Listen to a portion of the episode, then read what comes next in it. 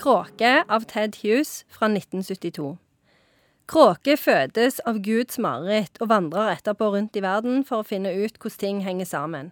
Blir halshogd, overkjørt, sprengt og spist, men lever likevel. Er det en kråke eller en som heter kråke? Nei, Det er ei kråke, men eh, dette er en diktsamling, for å si det. Så nå beveger vi oss inn i dikt. Og det er en serie med dikt om kråke, som er ei kråke, men som blir født som en sånn liten klump, da. Og så utvikler han seg til ei kråke, og så prøver han liksom å finne ut hvem er jeg egentlig i denne vide verden. Eh, og møter veldig mye motstand, da. Det er ikke lett å være kråke, for å si det sånn. Nei. Tror du får en litt sånn bedre forståelse av det etter å ha lest en Ja, men det har aldri vært lett å være fugl i dag. Det har jo ikke. Men, men hvorfor blir en diktsamling en litterær eh, klassiker? Godt spørsmål. Fordi at eh, Ted Hughes han skrev denne på eh, begynnelsen av 70-tallet. Og eh, den var et sånn brudd med den type dikt som ble skrevet tidligere. Det er veldig korte setninger.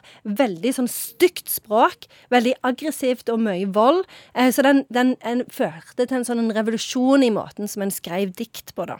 Altså, han er veldig kjent den dag i dag fordi at eh, den på en måte tar eh, etterkrigstida veldig på kornet, da, eller den perioden fra 45 til liksom, det nye millenniet. Jeg har et veldig anstrengt forhold til dikt, for jeg er ofte sånn at en reiser seg, og så leser de et dikt, og så sier de det sier jo veldig mye, og så har jeg ikke skjønt noen ting av, av hva de sier, fordi at eh, når du er dikt, så er gjerne ord og stokker i hytt og vær, og linjene er forskjellige lengder og, og ligger på ulike plass, så, så du må nesten lese det selv og studere det, og så forstår du det ikke da eh, heller. Eh, Hvordan er det her? Jeg er helt enig, og så ofte så har du et sånt bilde av Per Aabel inni hodet, og det er heller ikke spesielt. Med pledd. Ja. Og så føler du liksom at det, jeg klarer ikke å forholde meg til han mannen med det pleddet. Nei. Men med Ted Hughes er det For det første så er- han går vekk fra rim. Eh, det er, han bruker et, sånn, et ganske dagligdags språk.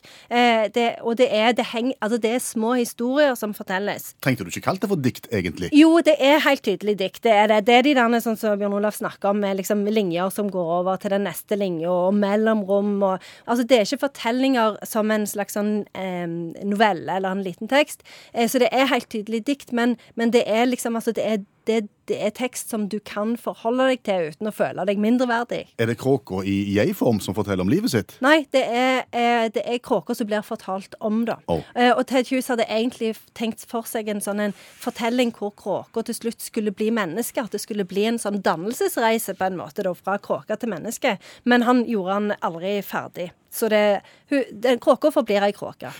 Kan denne diktsamlingen være inspirert av om mannen han gikk seg i Veaskog? Ja, for han ligner litt, faktisk. Eh, man gikk seg i Veaskog', Der bruker du jo liksom eh, alt på kråka til et eller annet som du lager store og glass. Ja. Ja. Og sånn er det litt med den kråka òg, for det er inspirert av sånn triksterlitteratur. Sånn som så, eh, for eksempel haren som lurer bjørnen. Altså den der han er, det lille dyret som alltid kommer seg unna. Så det er veldig godt observert, Per Øystein.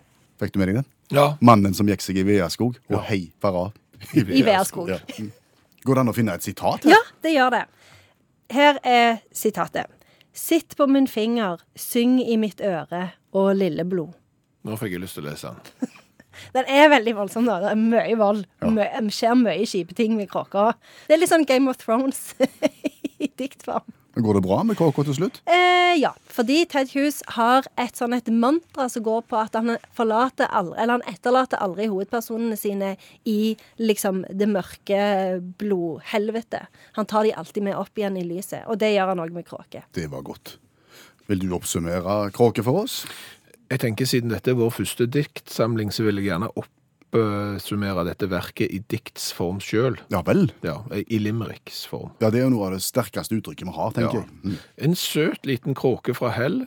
Han følte at dag gikk mot kveld. Han tenkte med seg, nå drar jeg i vei, det går nok svært bra likevel. Var det vakkert, Jeg Jan? får frysninger på ryggen. Jeg er litt på gråten, kjenner jeg.